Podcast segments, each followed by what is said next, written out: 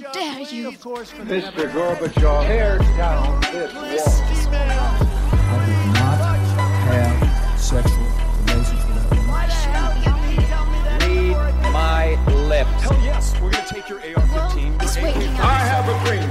Thank you. Ja, da var det dags for en uh, ny episode av SOS. SOS liberalisme, kanskje. Eh, vi kan kalle den. Eh, jeg veit ikke om det brenner et blått lys for liberalisme disse dager. Ja, det brenner alltid et blått lys for eh, liberalismen. Liberalismen har jo blåfargen som yndlingsfarge, så Ja, ja den, den har jo faktisk det. Men eh, vi tenkte vi skulle ta en, en kort episode om liberalisme.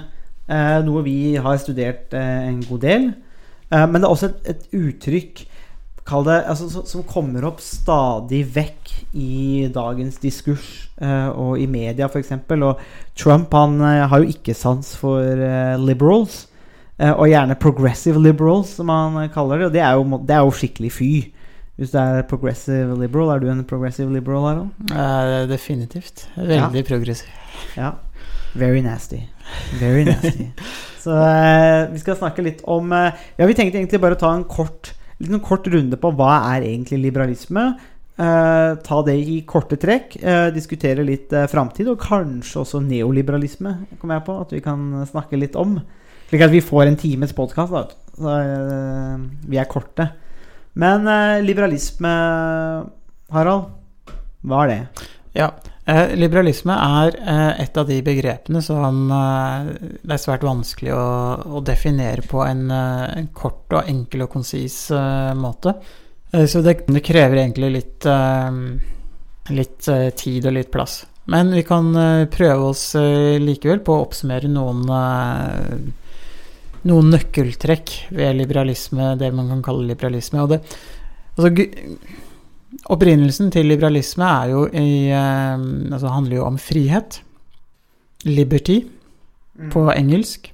Eh, så det er et element av eh, frihet som er viktig. Og da i stor grad individets frihet. At individets rettigheter og interesser og muligheter skal kunne ivaretas. Så man skal ha en stor grad av individuell frihet Mm. eh, innenfor altså, liberalismen. Og eh, historisk så har jo liberalismen utviklet seg eh, over flere hundre år.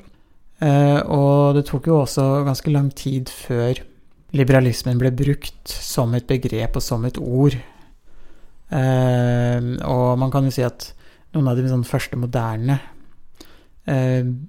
den første moderne bruken av eh, selve begrepet er, finner man kanskje i eh, John Stuart Mill Mm. eh, sin eh, On Liberty, altså om friheten. Mm. Eh, så liberalisme handler jo da i korte trekk om eh, frihet, og da fortrinnsvis individets frihet. For ja, og det er jo kanskje viktig å legge vekt da på at når vi sier individets frihet, så er også det fordi at individet har en selvstendig verdi. Eh, og det her kommer jo i en, en tid eh, hvor det ikke nødvendigvis er så opplagt. Eh, men, men, men det med Altså Så det er liksom ikke bare frihet til å, å råne rundt og nødvendigvis gjøre Men at man som individ har verdi. Det er jo kanskje viktig å få med. Ja, det er et veldig viktig poeng, og det er jo noe som man finner igjen i helt til det man kan kalle opprinnelsen til, eh, til liberalismen eh, på, på 1600-tallet. Mm. Eh, John Locke var jo en filosof som var opptatt av altså individets interesser og det at man hadde en egenverdi eh, som, som menneske.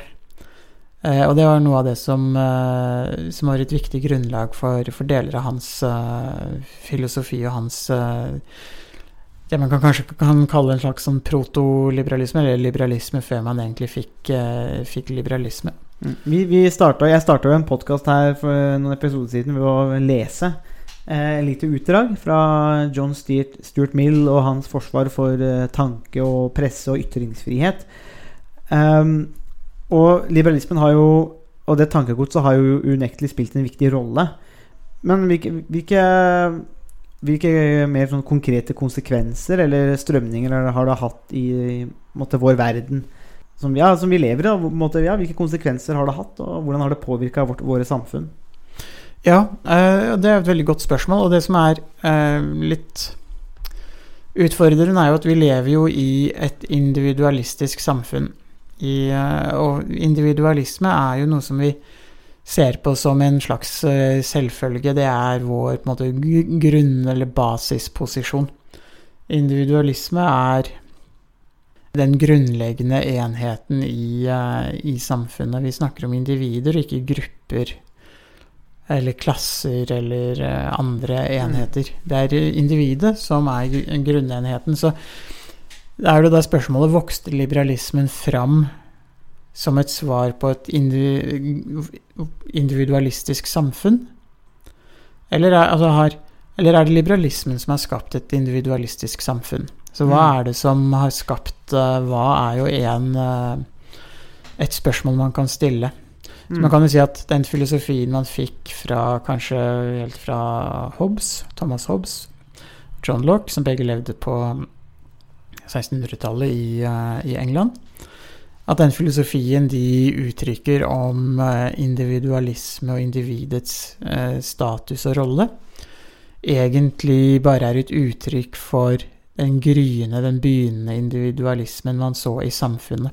Og at de beskriver individualismen som vokste frem i sin filosofi, at det er på en måte resultat, et resultat av sin tid. Mm. Eh, Så det er jo én måte å tolke det på. En annen måte å tolke det på er jo å si at liberalismen skapte individualismen og det individuelle samfunnet. Det er takket være liberalismen at vi har skapt et individualistisk samfunn hvor vi som hvert enkelt individ har en uh, egenverdi. Mm. Ja, og det er jo det f.eks. John Stuart Mill legger stor vekt på. Eh, og at eh, rammene rundt skal bidra til å fremme altså, vår, altså individets utvikling, individets frihet. Og det er jo kanskje en annen viktig del av liberalismen eh, som de har fokusert mye på. Det er jo, er jo de institusjonelle rammene, eller rammene for våre liv, altså spilleregler. Hva, hvor, hva, er, eh, hva er statens makt eh, over individet? Eh, og da, det er, Sentralt i det her står jo begreper som, som rettsstat. Eh, men at man ikke skal eh, måtte legge altfor store begrensninger på individets utfoldelse. Da. Men spilleregler, Harald, det er sentralt i, eh, i liberalismen, og hvorfor det? Uh, ja, altså det, det er rett og slett fordi man må definere noen rammer for friheten. Og man må definere også hva som er individenes, individenes rettigheter. Eh, og det er liksom hva er det man har krav på som individ når det gjelder frihet, f.eks. Mm. Uh, og hvor, hvor går grensene for uh, individets frihet? Mm. For det er jo et relevant spørsmål. For det er jo ikke et frislipp. Det, og, når vi snakker om de der spillereglene, rammene for menneskelig atferd og oppførsel, så er det jo ikke sånn øh, øh, å bare gjøre og tute fram sånn som man vil, nødvendigvis. Eh, også kanskje her verdt å altså Det med spilleregler er veldig viktig. Og så er det også, det har også noe, med forutsigbarhet å gjøre. At man kan si noe om hvordan man faktisk interagerer, eller og at man eh, ja, vet hva det er. Det, ikke det er usikkert. Det gir forutsigbarhet, og det vet vi at det er bra for menneskelig utvikling, rett og slett. Hvis man veit at man ikke blir drept ved en dårlig handel, f.eks. Eh, men så kan vi kanskje også knytte det med spilleregler og rammer opp mot altså individets verdi og individet, og autonomi. Eh, og hvorfor er det viktig? Ja, eh, og der er altså nå, nå stiller jo du meg spørsmål. Ja, men du er jo ekspert. Eh, og da eh, blir jeg nesten Altså, spørsmål liksom, Du stiller meg et spørsmål. Hvorfor er eh, autonomi viktig i liberalismen? Og da er jo spørsmålet hvor, Altså, er autonomi eh, viktig i liberalismen? Så er, er det er jo egentlig et slags motspørsmål, da. Ja.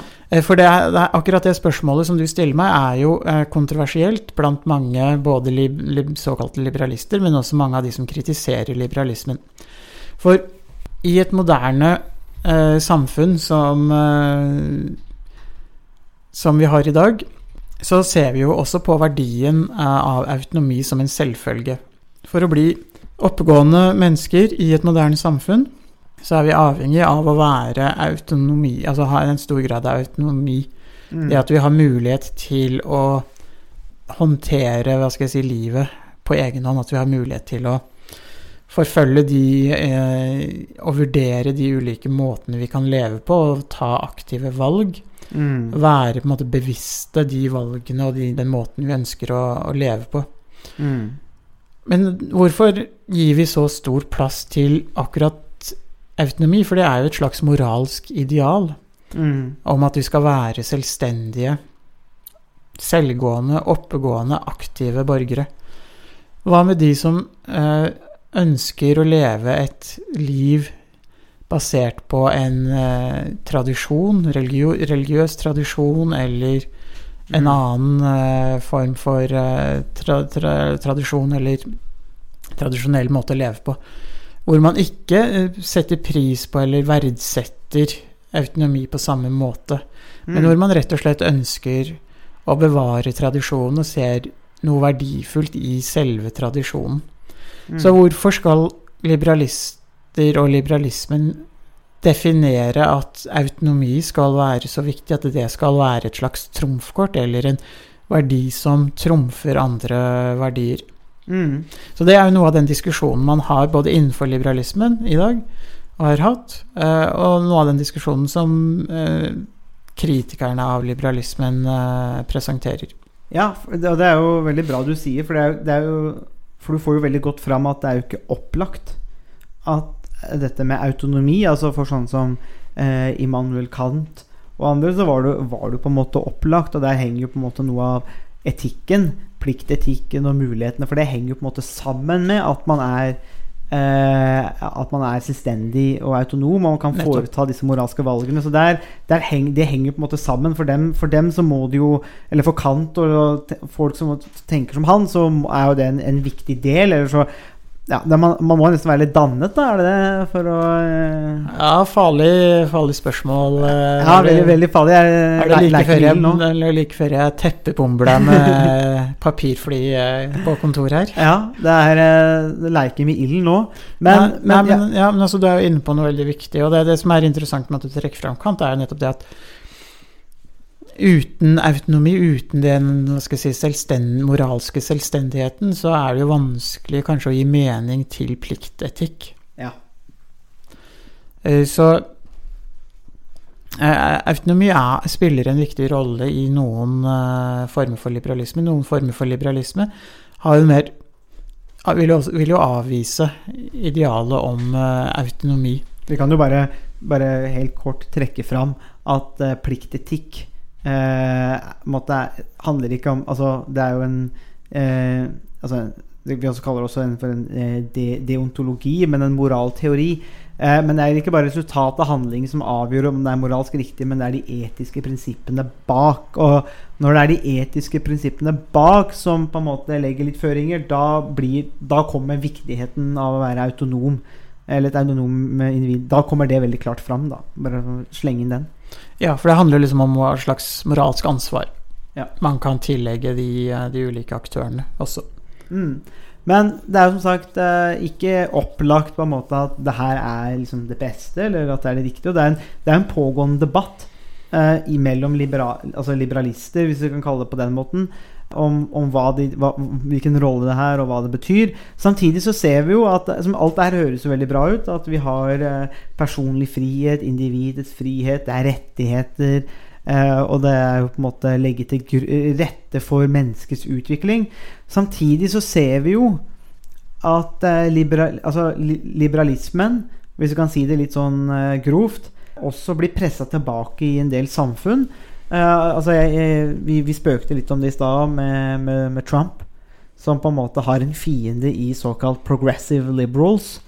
Uh, men vi ser også hvordan en selv etter altså eh, etter den kalde krigen, når man trodde kanskje at liberalismen hadde vunnet, så ser man jo f.eks. i dag Viktor Orban i Ungarn.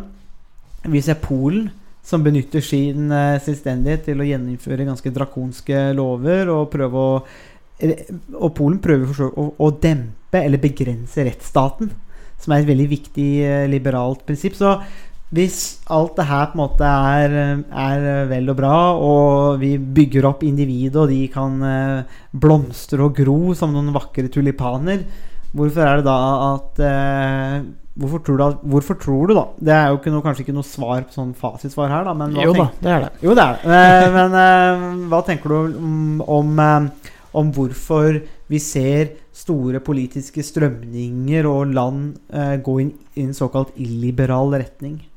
Det tror jeg har eh, sammenheng med flere trekk, både ved liberalismen og ved de samfunnene det, det her gjelder, og også i og for seg alle samfunn, kanskje.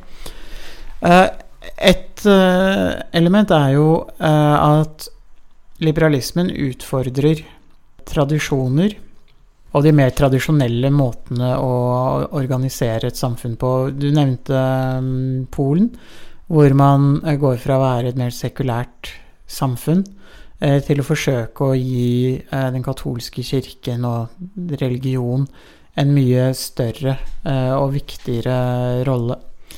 Så liberalismen gir jo individet en stor grad av frihet. Og i et moderne samfunn så har det ført til at mange eh, velger å leve relativt sekulært, eh, hvor religion spiller en mindre rolle. Over tid så har vi sett at eh, moderniseringen av et samfunn som regel fører til en sekularisering. Eh, så religion er jo en maktfaktor i samfunnet som blir eh, utfordret av eh, ideen om eh, individuell eh, frihet. Så individene får mulighet til å leve som de vil, og da ser man at mange velger bort eh, religion. Eh, og reaksjonene på det er jo noe av det som man har sett i, eh, i Polen, hvor man forsøker å fjerne de liberale elementene. Og gjeninnføre religi... Altså gi religion en mye sterkere rolle og plass i samfunnet. Så det, det er jo eh, et element, nemlig det at liberalismen kan utfordre etablerte autoriteter og maktfaktorer, maktinstitusjoner i samfunnet. Eh, hvis, du, hvis du, ser på Donald Trump sin eh, motstand mot såkalte eh, progressive liberalister, så har jo det en litt annen eh, karakter. Og for den formen for liberalisme er jo gjerne kjennetegnet av veldig sterk politisk aktivisme og et veldig sånn sterkt polit, en politisk stå, et politisk ståsted. For mange liberale teorier ønsker jo å være upartisk mellom eh, ulike politiske partier og ulike politiske eh, oppfatninger. Mens den formen for liberalisme som Trump kanskje kritiserer, er kanskje det man kan kalle en litt sånn mer sånn eh, aktivistisk eller militant eh, form for eh, liberalisme, hvor man forsøker å påtvinge andre mennesker den formen for liberalisme man selv står for. Og det er jo en litt sånn kanskje litt bisarr form for eh, liberalisme også. Det at man forsøker å nærmest eh, evangelisere sin form for liberalisme og tvinge den litt på, på andre. som veldig mange i USA har, har jo, er kritiske til såkalte liberals. Og her betyr jo liberals noe annet enn det det ofte gjør i europeisk sammenheng.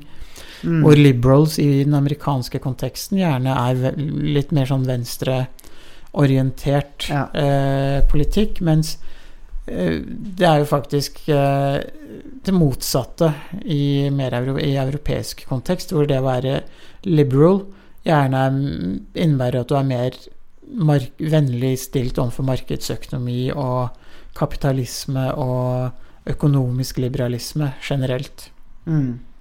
Ja, nei, det er jo flere ulike Hva skal vi si Ulike retninger her som vi kan snakke om òg. Altså, det har jo tatt eh, Du nevner jo USA, og der har vi jo også en, en, en, eh, en, form som vi kanskje kan kalle for libertarianisme. Eh, som er noe slags en form, da, av, en form av liberalisme er jo kanskje den enkleste måten å, å, eh, å, å forklare det på. Eh, og at de ja, det er, vel, det, er vel, det er jo særlig statens rolle som de ser på. eh, og ønsker seg kanskje det man kan kalle en nattvekterstat. Altså en stat som gjør så Eller minimalstat, da. En stat som gjør så lite som mulig, men sikrer for de viktigste spillereglene og rammene. Eh, og så får resten egentlig være opp til eh, individet, da. Ja, helt riktig. Så libertarianisme er en slags eh, fetter av eh, liberalismen, Mm. eh, som du var inne på. Og det som er sentralt, er at libertarianismen ønsker en sterk stat, sterke institusjoner, som kan opprettholde og, og, og, og mm, sørge for at avtaler og at eh, de- mest grunnleggende rettsstatsprinsippene blir eh, overholdt. Så man trenger en veldig sterk stat for å gjennomføre det, men samtidig så skal staten være veldig minimalistisk. Mm. Så, og det er jo litt paradoksalt, en sterk, men liten stat. Ja. Så man ønsker at eh, staten egentlig bare skal opprettholde de viktige samfunnsfunksjonene som, er, som, som rettsstatsprinsippene, Ja. eh, og avgjøre tvister og uenigheter mellom ulike parter i, eh, i samfunnet. Mm. Og en sånn helt ekstrem eh, form for libertarianisme vil jo egentlig si at alle veier skal være private. Alt skal i prinsippet være privat. Man skal ikke ha offentlige institusjoner. Mm, Det ligger jo en, en tro der egentlig kanskje også på nettopp det med at individer, da, hvis vi er på en måte autonome vesener og sånne ting, at vi faktisk kan komme fram til rasjonelle eller fornuftige løsninger uten at det står en stat over og, og forteller oss hvordan det skal gjøres. Eh, vi har også andre former for liberalisme, kanskje også eh, sosialliberalisme. Det som er interessant da vi hadde Bernt Hagtvedt på besøk her i fjor eh, til å holde forelesning, så mente jo han også at eh, både Arbeiderpartiet og Høyre i dag har utvikla seg til å bli såkalt sosialliberalistiske partier. Da. At de er forsvunnet fra sin klassiske posisjon på venstresida for Arbeiderpartiet og Høyre på som var mer sånn høyresida, men at de har samla seg eh, rundt, eh, rundt sosialliberalismen, som også og, og det foruts... Altså, og i en sosialliberalistisk er jo, Vi kan jo snakke litt mye, mye og lite om det, men det er en litt mer aktiv rolle for staten inn i samfunnslivet, og særlig økonomien. Eh, litt mer utjevning eh, enn f.eks. det libertarianistene ville ha. da. Eh, så det er en form for det. Men jeg tenker den siste formen vi kan snakke om, som kanskje er det som bidrar til å gi liberalisme. For det skal sies, liberalisme er et omstridt begrep. Eller altså, det fins ulike grener av liberalisme. Men kanskje en annen fetter hvis jeg kan si det sånn, som har gitt liberalisme kanskje et litt dårlig rykte, og som kanskje bidrar til å kanskje ødelegge diskursen rundt liberalisme til dels, er jo nyliberalisme. Eh, og det er noe av det vi ser eh, mye av. Eh, og særlig i Jeg har lyst til å si særlig senter Senter, venstre og fra venstre side media og akademikerne, så er jo neoliberalisme den, Eller nyliberalisme, da, som det heter på norsk, den store, stygge ulven. Litt vanskelig å si. Det er veldig sånn uklart begrep, det òg. Men som kanskje har til felles at samfunnet i stor grad bør være organisert i henhold til markedsøkonomiske prinsipper. Her er det jo en fin uh, forskjell. Jeg vet ikke hva du tenker om det, Harald, men jeg tenker det er en I utgangspunktet kan, kan en måte være å si at nyliberalisme er faktisk mer knytta til det med troen på markedet, og at det skal være en sånn genial mekanisme, mens den klassiske liberalismen kanskje er mer opptatt av spillereglene. Ikke at markedet kan fikse så mye, men at vi må ha inst sterke institusjoner, spilleregler på plass, og så får måte, brikkene eller utspille seg etter det, men det er ikke den troen Det er ikke en tro på at markedet eller noe annet kan fikse det, det er, men at man må ha en institusjon på plass. Kan det være en distinksjon? Eh, Det, det tror jeg absolutt. eh, Og for det du er inne på, er jo egentlig at eh, det man kaller nyliberalisme, er jo egentlig økonomisk liberalisme. Mm. Og at, uh, marked, at markedet skal være forbilde for hvordan samfunnet er uh, organisert. Uh, mens eh, det du var inne på med den litt mer sånn klassiske liberalismen, handler om at man forsøker ikke nødvendigvis aktivt å promotere et marked på Eller markeds, en markedsøkonomi på samme, samme måte. Man er opptatt av frihet, Og en del av den friheten innebærer jo også en slags frihet i et økonomisk marked. Mm. Men det er ikke en frihet som, eh, som fokuserer så tydelig på marked, eh, markedsfunksjonen eh, som sådan. Nei, og det er, jo, det er jo kanskje også verdt å merke seg her at da Mill f.eks. Eh, skrev om liberalisme, så var jo ikke det markedet vi ser i dag. Eh, det var jo ikke aktuelt på den tida. Det var jo kommersialisering, og, og han var jo klar over disse tingene. Men det var jo ikke det den forbrukersamfunnet som vi lever i i dag, var jo ikke det han vokste opp i, og, og skrev da i en annen tid, selvsagt. Og det skal jo også sies at eh, akademikere og forskere, eller, eller tenkere, sånn som Friedrich von Hayek, som også forsøkte å, å oppdatere liberalismen. Det var, det var på en måte det han prøvde på, å skrive et eh, om friheten. altså Det var jo boka til Mill om friheten. Og han prøvde jo å skrive det sjøl eh, en del år seinere, på midten av 1900-tallet. Eh, The Constitution of Liberty. Eh, men da i en oppdatert form. Altså, og prøvde å skrive en lignende type manifest eller lignende typene verk. Men det er vel usikkert om han Nei, det er ikke usikkert. Han klarte ikke å skrive like godt som Mill, eller ha samme påvirkning. Og noe av det kan kanskje Men det som jeg tenker er interessant, er at liberalismen da ble knytta til den økonomiske liberalismen, mens den klassiske er knytta mer til ja, in, tanker om individet, individets verdi, men også det der med autonomi, som da henger sammen med en etikk. Og så har man dette løpet gående, da. Tror du vi har oppsummert liberalismen på en god måte da, Harald? Eh, ja, det, Det blir jo en jeg. kort innføring, Det selvsagt. en veldig kort uh, innføring, men uh, vi har vært inne på mange sentrale trekk ved liberalismen i den innføringen her. Men har du Jeg tenker da bare helt til slutt Nå har vi måte sett bare helt kort på klassisk liberalisme og noen ulike fetter og kusiner. Og vi, se, vi ser jo at sånn som har, Du ga jo et eksempel om Polen nå, hvor man på en måte går vekk fra kanskje mer liberale trekk. Eh, så da helt kort skal vi gjøre det statsviterne er aller dårligst på, nemlig prediksjon. Spå om framtida. Hvilken rolle ser du for liberalismen eh, framover, f.eks. Ja, i, i verdenspolitikken, eller om det er verden? Eh, hvilken rolle har eh, liberalismen, og bør det ha en rolle? Ja, liberalismen har uh, vunnet en gang for alle. Og nå er, er det verdensherredømme som, uh, som gjelder. Enkelt og greit. Enkelt og greit. Nei, så enkelt er det jo ikke, men uh, det her er et, eh, et annet veldig stort spørsmål, uh, som, uh, som også handler om hvordan man hvordan ulike liberale teorier også ser på rollen som liberalisme skal spille i et samfunn. John Stuart Mill, som vi har nevnt flere ganger, var jo opptatt, tenkte jo at, var opptatt av og tenkte, tenkte at over tid så vil samfunnet bli mer og mer liberalt. Fordi flere og flere vil innse verdien av liberalisme. Eh, Så i det lange løp så vil eh, liberalismen eh, vinne fram. Mm. Eh, Det er jo et kontroversielt syn, som også går tilbake til det du har vært inne på med moralsk autonomi, og som bygger på en del kontroversielle antagelser. Mm. Og eh, det er ikke opplagt at liberalismen vil, vil være dominerende, eller Mm. vil vinne. Eh, på ingen måte. Eh, så liberalismen er jo også, også avhengig av å endre seg selv. Tilpasse seg det samfunnet man står ovenfor også. Mm. Så definere litt sin egen rolle. Mm.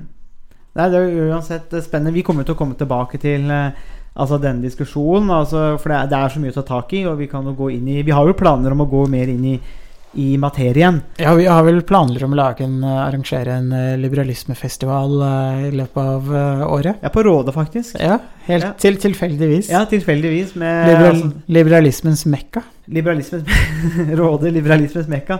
Eh, med, med, med da eh, Skulle du til å si Jo, med, med lesing, høytlesing. Harald leser høyt fra John Stuart Mill. Og så drikker vi eplesaft og sider, som er eh, pressa. Ja, og det er noe som er spesielt for alle liberalister. De elsker eh, eplejus. Det var det vi hadde å by på i denne ukas episode av Statsvitenskap og sånt. Musikken er komponert av Robin Horvath, og Thomas Colato står for miksing og redigering. Du finner oss på Facebook, bare søk på Statsvitenskap og sånt. Der kan dere komme i kontakt med oss hvis dere har spørsmål eller kommentarer. Der finner du også aktuelle artikler, videoer med mer. Vi setter pris på om dere liker sida, og deler den med andre som dere tenker vil ha glede av å høre på podkasten. Vi høres!